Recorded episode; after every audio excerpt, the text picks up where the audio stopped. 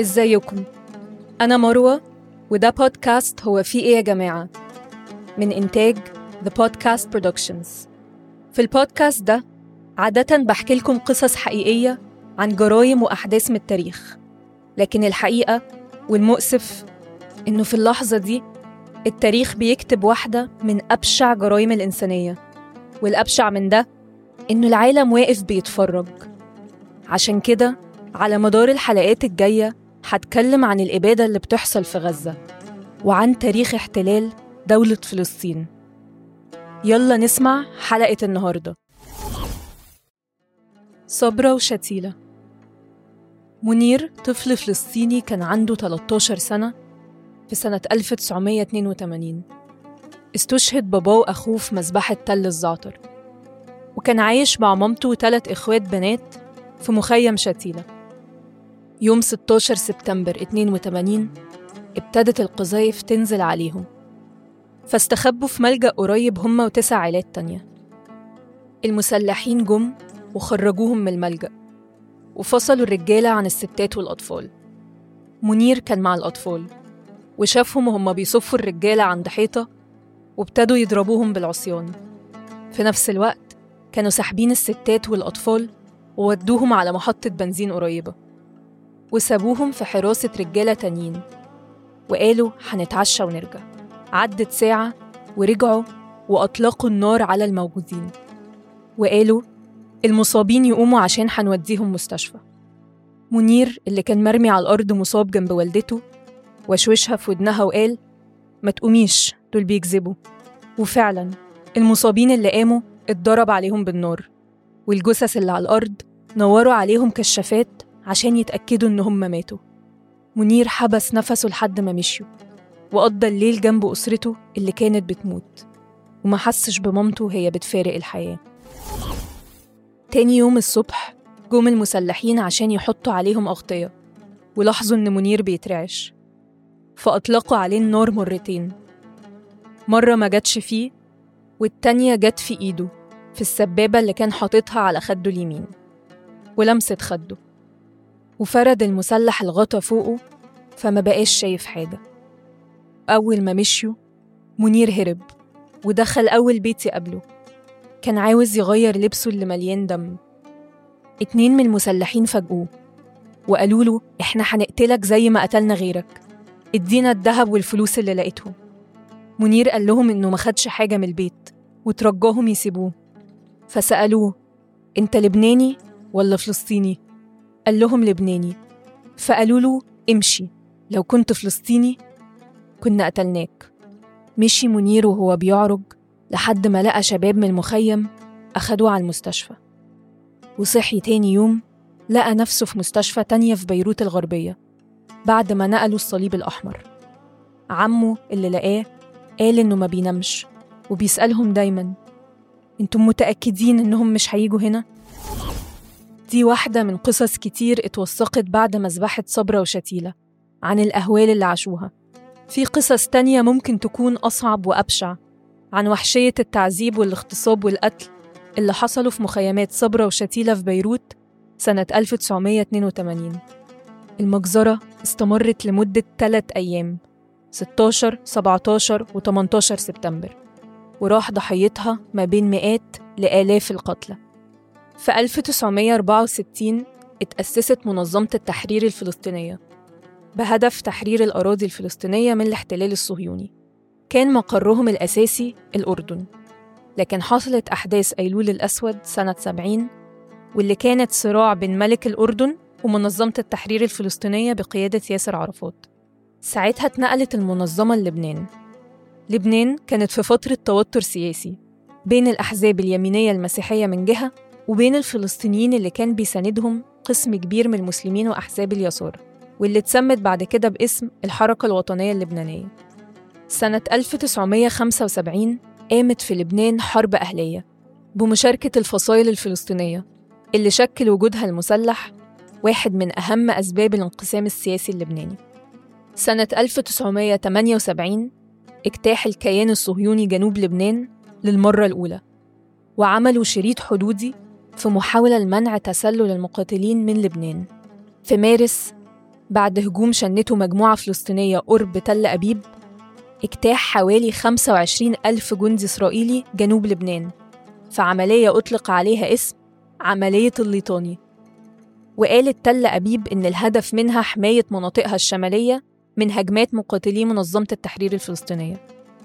أدت العملية لسقوط ما بين 200 و 400 قتيل. ونزوح حوالي 400 ألف شخص لبيروت وضواحيها. بعد خمس أيام أصدرت الأمم المتحدة قرار بيطالب إسرائيل بالانسحاب الفوري من جنوب لبنان وقررت إرسال قوات طوارئ دولية للبنان. لكن مع بداية صيف 1982 حصل تصعيد أمني وعسكري. بدأ مع قرار جيش الكيان الصهيوني بتنفيذ عملية اجتياح أطلق عليها اسم سلام الجليل. انطلاقا من جنوب لبنان باتجاه العاصمة بيروت وحصروا بيروت لمدة شهرين في ظل قصف عنيف. كان وقتها رئيس الدفاع الإسرائيلي هو أريال شارون.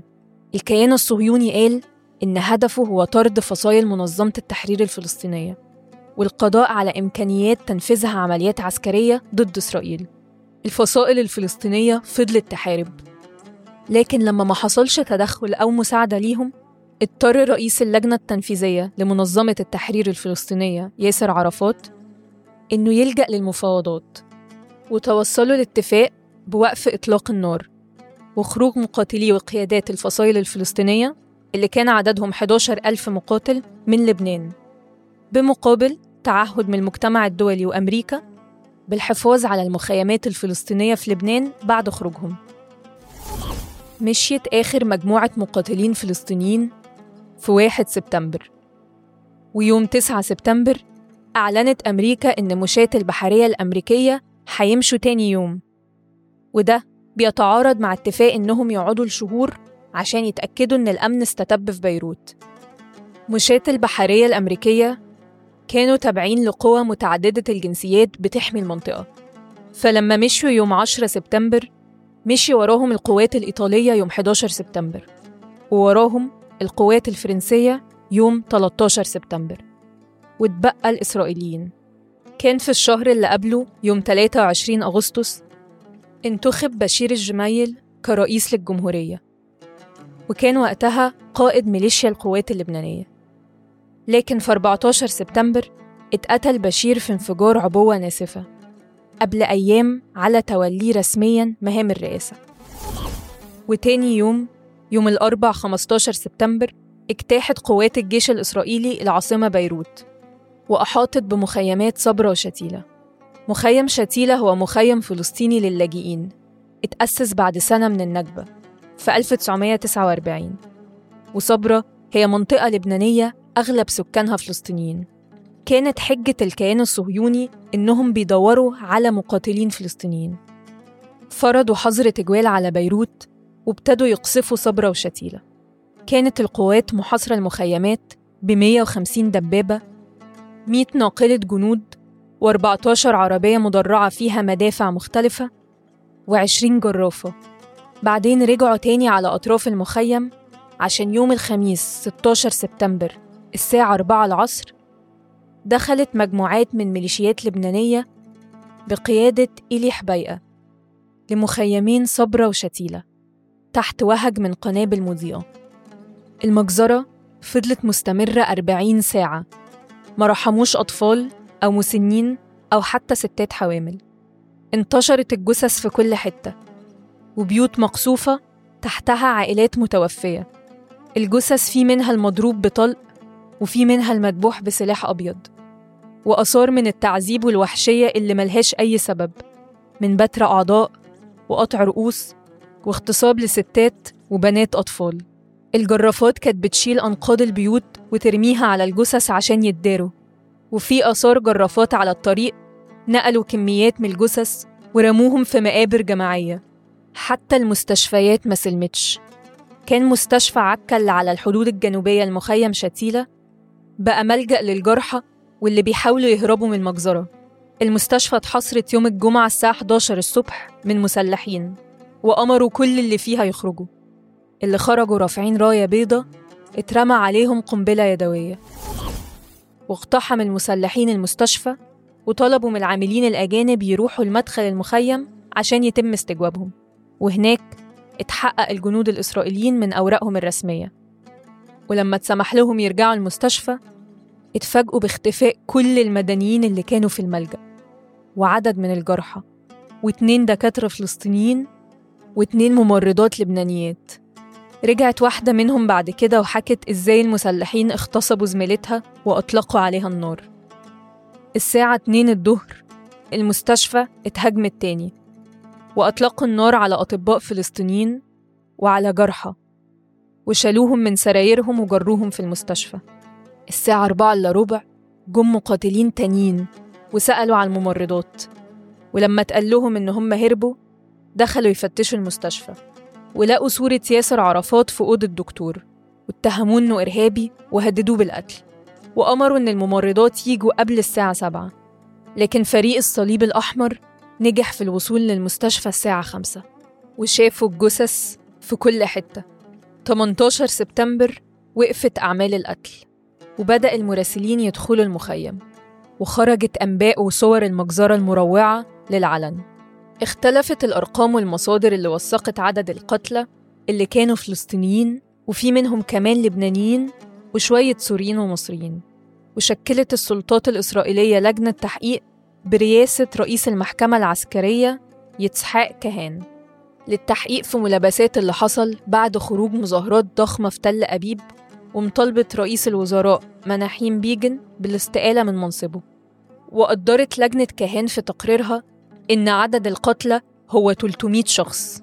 لكن الباحثة والكاتبة بيان نويهد الحوت نشرت كتاب صبرة وشتيلة بعد 20 سنة على وقوع المجزرة وسعت بيان نويهد في كتابها لتوثيق شهادات وأحداث المجزرة بالأرقام والأسماء والتفاصيل وذكرت إن عدد القتلى اللي قدرت توثق أسمائهم بلغ 906 ضحية بالإضافة ل 408 شخص في عداد المفقودين والمخطوفين. وذكرت وكالة Associated Press إن عدد القتلى المؤكد هو 328 شخص وإن 991 شخص اعتبروا في عداد المفقودين. وذكرت مصادر تانية منها مؤسسة الدراسات الفلسطينية إن عدد القتلى وصل لأكثر من 3000 ضحية وكان من الصعب يتعمل إحصاء دقيق لعدد القتلى بسبب استخدام الجرافات لدفن عدد كبير من الجثث.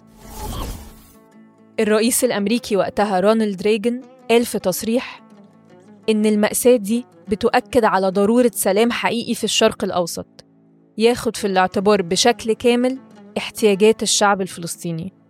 وطبعا ده كان تصريح صادم للكيان الصهيوني. رد فعلهم واللي هو لسه بيتبعوا أسلوبه لحد النهاردة إنهم أنكروا أي مسؤولية وقالوا إن اللي حصل ده من الميليشيات اللبنانية. صرحت وزارة الخارجية الإسرائيلية إنها بتدين المذبحة وإن قوات الدفاع عملت كل اللي تقدر عليه عشان توقفها. نفس الكلام في التصريح اللي طلع من الميليشيات. أدانوا المذبحة ونفوا مسؤوليتهم. جت لجنة دولية برئاسة شون ماكبرايد وهو سياسي أيرلندي عشان يحققوا في المجزرة. وكانت النتيجة إنهم حملوا المسؤولية على إسرائيل وعلى الميليشيات. ومسؤولية على أمريكا والمجتمع الدولي اللي سحب قوته وابتدت أكاذيبهم تتفضح من كذا جريدة ومصدر.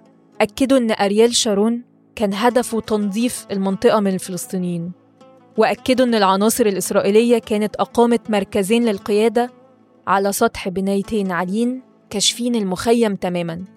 فمستحيل ما يكونوش شافوا ولا سمعوا المذبحة زي ما بيدعوا.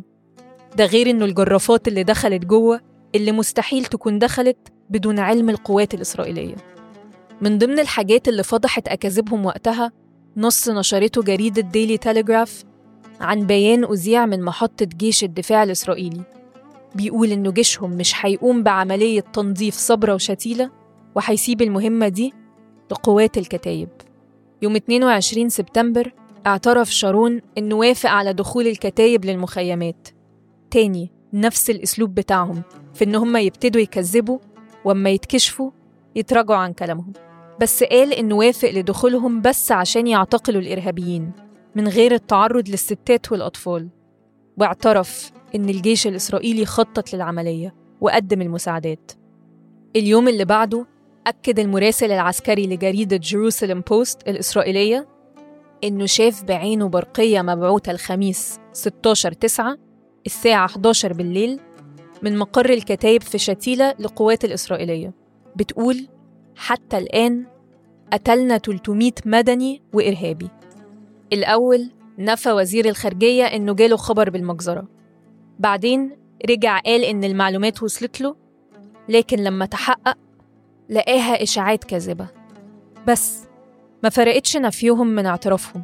في الآخر أريال شارون اللي هو كان وزير دفاع إسرائيل وقتها ما اتحكمش وبقى رئيس وزراء إسرائيل سنة 2001 واستمرت جرايمهم لحد النهارده.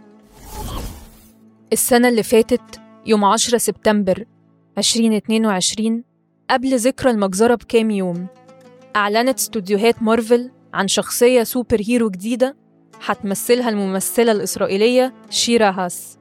الشخصية اسمها صبرا.